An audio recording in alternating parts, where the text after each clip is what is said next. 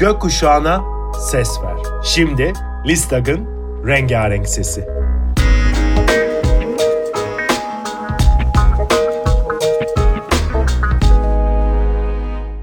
Bu hikaye LGBT Aileleri ve Yakınları Derneği Listak için Yasemin Zeynep Başaran tarafından derlenen Kendimi Bildim Bileli adlı kitaptan alınmıştır. Seslendiren Nilüfer Açıkalın'a ve seslendirme sponsoru Gitti Gidiyor Kom'a teşekkür ederiz.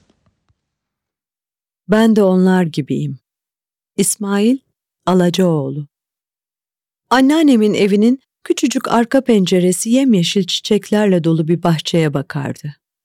Burası içinde birkaç ördek, birkaç tavuk ve bir horozla ortalıkta zıplayıp duran üç pofuduk tavşanın bulunduğu, anneannemin 20 yıllık komşuları ve arkadaşları Mustafa amcayla Ahmet amcanın evinin bahçesiydi. Bahçenin içinde iki göz bir ev, evin önünde de küçük bir veranda vardı. O bahçeye gitmeye özellikle tavşanları sevmek için can atardık. Anneannem, hadi Mustafa'lara çaya gidelim deyince kardeşlerimle bayram ederdik. Mustafa amca bir elini dizinin üzerine koyup kolunu da biraz yana doğru açarak oturduğu tahta sandalyesinde anlatırdı da anlatırdı. Ahmet amca da çayı koyup gelirdi yanlarına. Biz bahçede tavşan peşinde koştururken onlar orada sohbet ederler, çaylarını içerlerdi. Bazen onlar dışarıda otururken biz içeride televizyon izlerdik. Zira o sıralar bizde televizyon yoktu. Henüz renkli televizyonların olmadığı dönemleri hatırlayanlar bilir. Siyah beyaz televizyonun önüne düz renk mavi, yeşil ve hatta pembe camlar takılırdı. Maksat siyah beyazı renkliye çevirmek.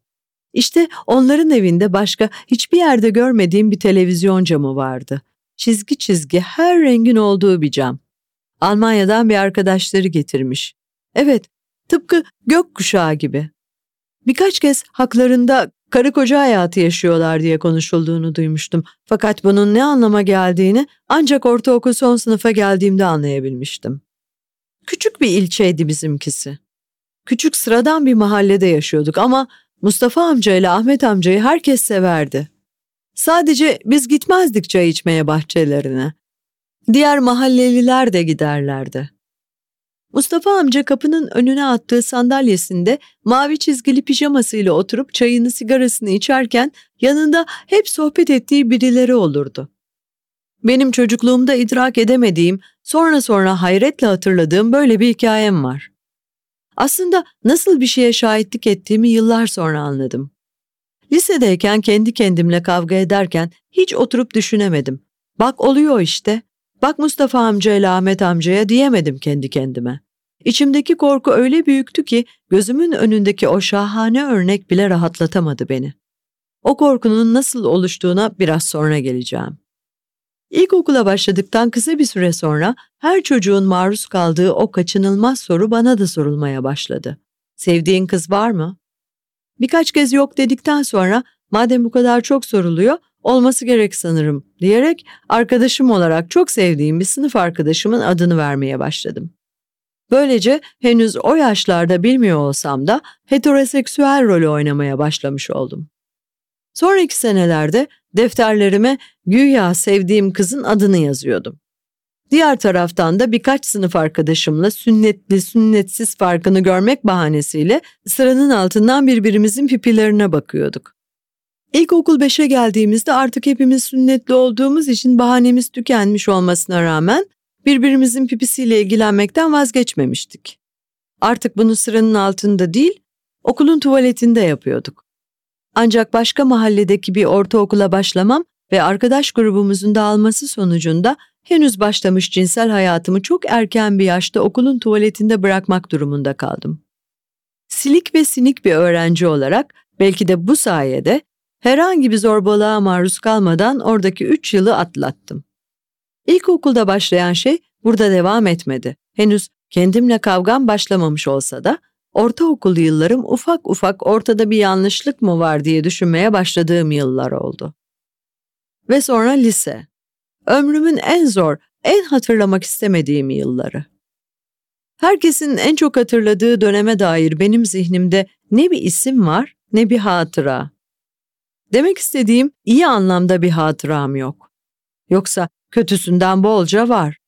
Daha birinci sınıftayken beden eğitimi soyunma odasının yukarıda kalan küçük pencerelerinden duvara yaslanmış kızların eteklerinin altına bakmadığım için duydum o sözü ilk kez. Top musun lan sen? Ben top muydum? Neden? Neden kızlara değil de matematik hocama ilgi duyuyordum? Bu kadar belli miydi?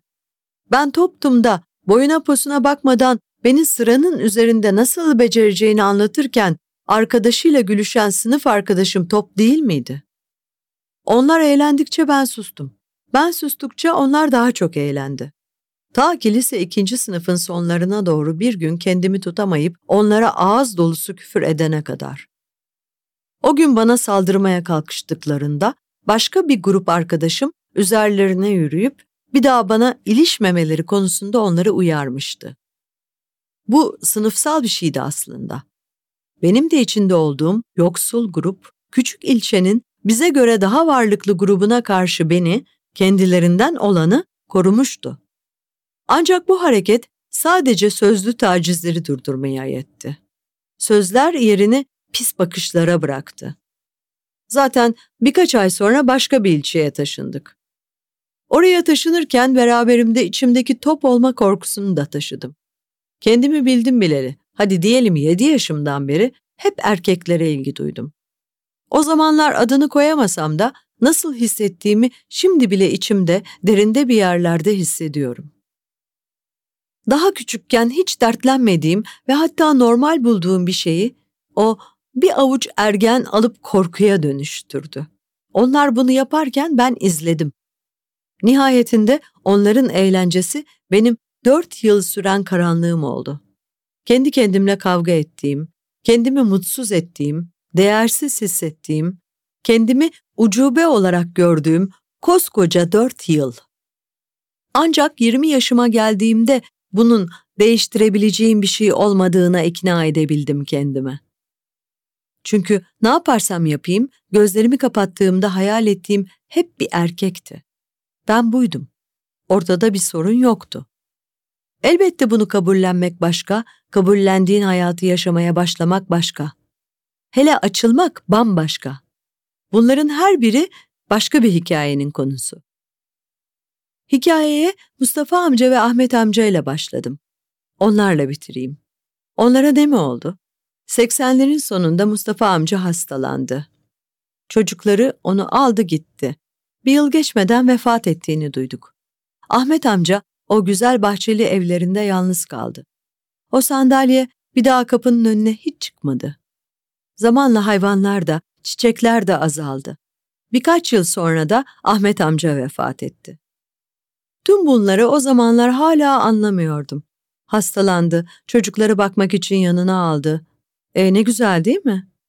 Ya Ahmet amcanın yalnızlığı? O zaman çok düşünemedim bunları. Sonradan oturdu içime. Kim bilir onlar benimkinden en az 50 yıl önceki çocukluklarında neler yaşadılar. Nasıl yollardan geçtiler de birbirlerini buldular. Kendilerini nasıl kabul ettirdiler. Küçük mahalledeki o hayatı nasıl kurdular. Anneannem nasıl oldu da onlarla arkadaş oldu? Neler konuştular? Birbirlerine neler anlattılar?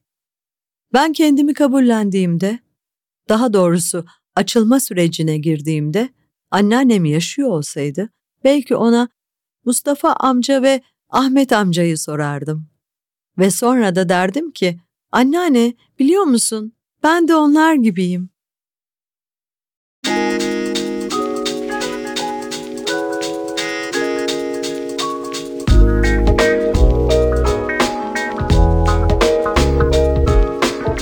Gökkuşağına ses ver.